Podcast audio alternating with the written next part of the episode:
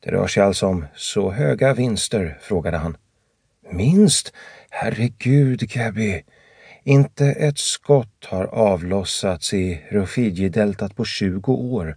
Du vet förbaskat väl att det är Kaiserns eget privata jaktområde. Det finns så många elefanter där att jag skulle kunna skjuta dem flockvis som får. Flynns pekfinger krökte sig omedvetet, som om det redan vilade på avtryckaren. Vansinne, viskade El Keb med penningbegäret lysande ur ögonen.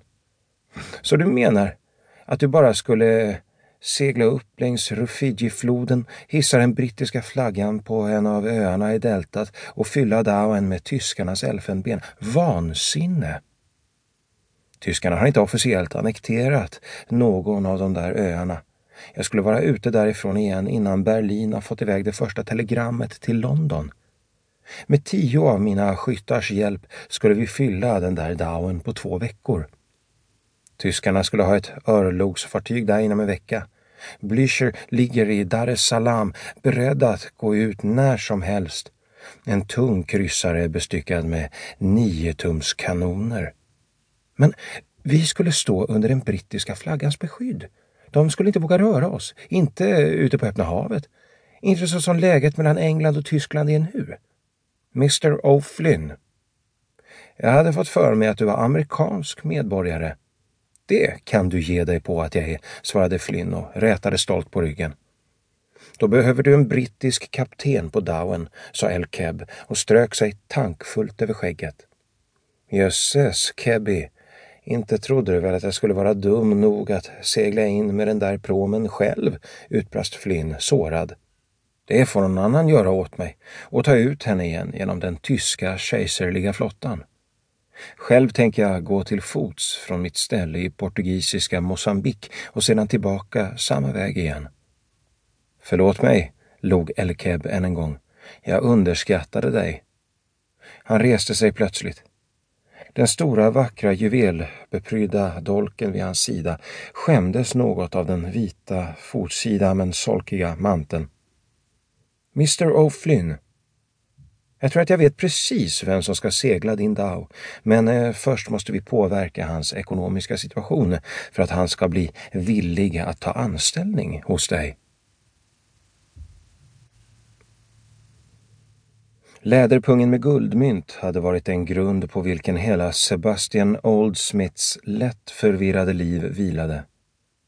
Sebastian hade fått den av sin far då han meddelade familjen att han tänkte segla till Australien för att söka lyckan i ullbranschen. Pungen hade åtföljt honom under resan från Liverpool till Godahoppsudden. Där hade kaptenen utan vidare ceremonier sparkat av Sebastian från skeppet efter hans opassande mellanhavanden med dottern till den gentleman som var på väg till Sydney för att tillträda sin tjänst som New South Wales nye guvernör. I gradvis minskande mängd hade guldmynten följt honom genom raden av olyckor vilka slutligen förde honom till Zanzibar. Där vaknade han nu upp ur sin svettiga sömn i den tryckande hettan i ett sjabbigt hotellrum bara för att finna läderpungen med mynten borta tillsammans med introduktionsbreven från hans far till vissa framstående ullhandlare i Sydney. Sebastian satt på sängkanten och tänkte på hur lite värde de där breven egentligen hade i Zanzibar. Och med stigande förvåning gick han i tankarna igenom alla de händelser som hade fört honom så långt ur hans ursprungliga kurs. Väcken i hans panna djupnade sakta allt mer av ansträngningen att tänka. Det var den höga, intellektuella pannan hos en filosof och den eh, kröntes av en vacker man av blänkande svarta lockar. Ögonen var mörkt bruna, näsan lång och rak, hakan fast och läpparna mjukt känsliga. 22 år gammal påminde Sebastian om en ung Oxfordlärare, vilket kanske bevisar hur missledande en människas yttre kan vara. De som kände honom väl skulle ha blivit förvånade över att Sebastian i sin föresats att segla till Australien ändå hade lyckats ta sig så långt som till Zanzibar. Sebastian gav upp försöken att tänka, vilket eh, redan hade gett honom en lätt huvudvärk.